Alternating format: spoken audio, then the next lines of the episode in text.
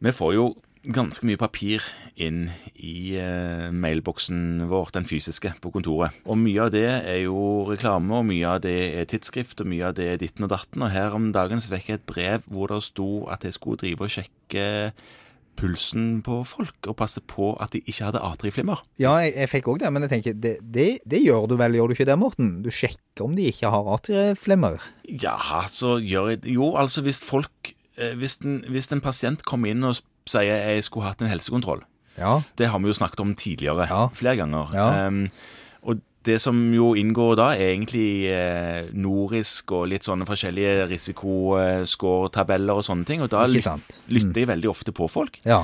Og når jeg lytter, så legger jeg jo merke til om det er en uregelmessig rytme på pulsen eh, og ei. Ja. Og enkelte har jo òg et blodtrykksapparat som sier fra om det er en pulsuregelmessighet. Ikke sant.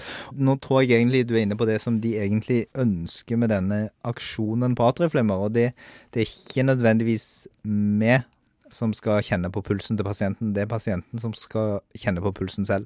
Og, og kommer og forteller noe om pulsen sin til Og deg. heller komme og fortelle noe om pulsen om- og si at doktor, nå, nå har jeg kjent på pulsen hver dag i et par uker, og flere ganger innimellom så hopper og spretter den. Den er helt ute av takt. Ja. Forutsetter man jo at pasienten da er utstyrt med normal rytmesans, men, men det får vi nesten ta for gitt. Ja da. Eh, og så eh, kan det være en indikasjon på at vi skal utrede dette videre.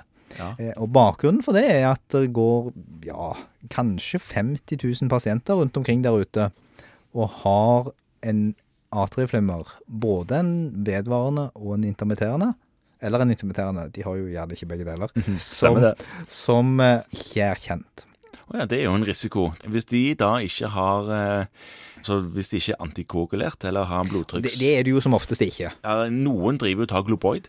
Ja, men det hjelper veldig Ja, det lite gjør det. på arterielle tromber. Ja. Sånn at disse vil eh, stå i betydelig fare for å gå inn i slagstatistikken vår. Ja, og det er jo en statistikk vi ønsker å eh, få færrest mulig inn der. Ja. Ja. Og det er klart at nå er det sånn at da kan pasientene kanskje oppfordres til en egenundersøkelse, og så må vi som behandlere da være bevisst på de som kommer med disse symptomene.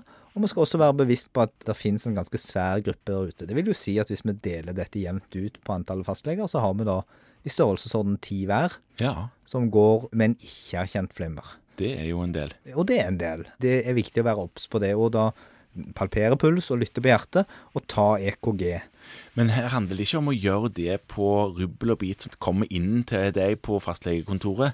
Nødvendigvis. Det handler vel om å ha det litt mer framme i pannebrasken. Det er ganske mange ting vi har sagt vi skal ha litt lenger framme i pannebrasken nå, da. Det er derfor vi har så store for. Snakk for deg sjøl, du, Kristian. Men eh, d- d- uansett, vi skal være litt bevisst dette her, for det er noen der. Ja. Og så er det òg dette med å legge ansvar, som vi jo prøver å snakke om hele veien. Legge ansvar over på pasientene til å kjenne sin egen kropp og gjøre seg kjent med sin egen rytme. På samme måte som vi ber kvinner palpere sine egne bryst og menn testikler. For å gjøre seg kjent med kuler og klumper som ikke var der før. Så er det også viktig at vi da i den forbindelse passer på å minne pasientene på at det er ikke bare uregelmessig puls som kan være et symptom på atrieflimmer. Nei. Eh, De kan jo også ha besvimelsesanfall, eller akutte anfall av svimmelhet, nærbesvimelser. De kan ha redusert treningskapasitet. Altså Hvis de før klarte å jogge rundt et eller annet vann, så klarer de ikke det lenger. Nei, og i hvert fall ikke på samme fart. Nei. Uansett hvor, når du kommer opp i en viss fart, så bare stopper det. Ja. Eh, og det er de som får det de alle tror de skal ha, da, som er, egentlig er mer sjelden, som er hjertebank og urolig hjerte. Påfallende få rapporterer det som første symptom ved atrieflimmer. Da er det mer denne som kommer veldig akutt og fort. Og sjøl da så er det ofte mer slapphet og trøtthet og manglende fysisk yteevne Ja. som er symptomet de rapporterer. Ikke sant? Ja. OK, så vi snakker egentlig om to ting nå. Vi snakker om en målretta undersøkelse på de som kommer og forteller en historie. Og så snakker vi òg om å høre på historien som pasienten forteller angående sin egen undersøkelse. Ja, og, og det å da ta dette med som noen av de spørsmålene som vi stiller på en sånn type heilsjekk Ja. eh, når vi snakker med pasienten, og det er jo det viktigste vi gjør. ja. Har vi mer å si om dette da? Nei, jeg tror ikke det. Det var det, da.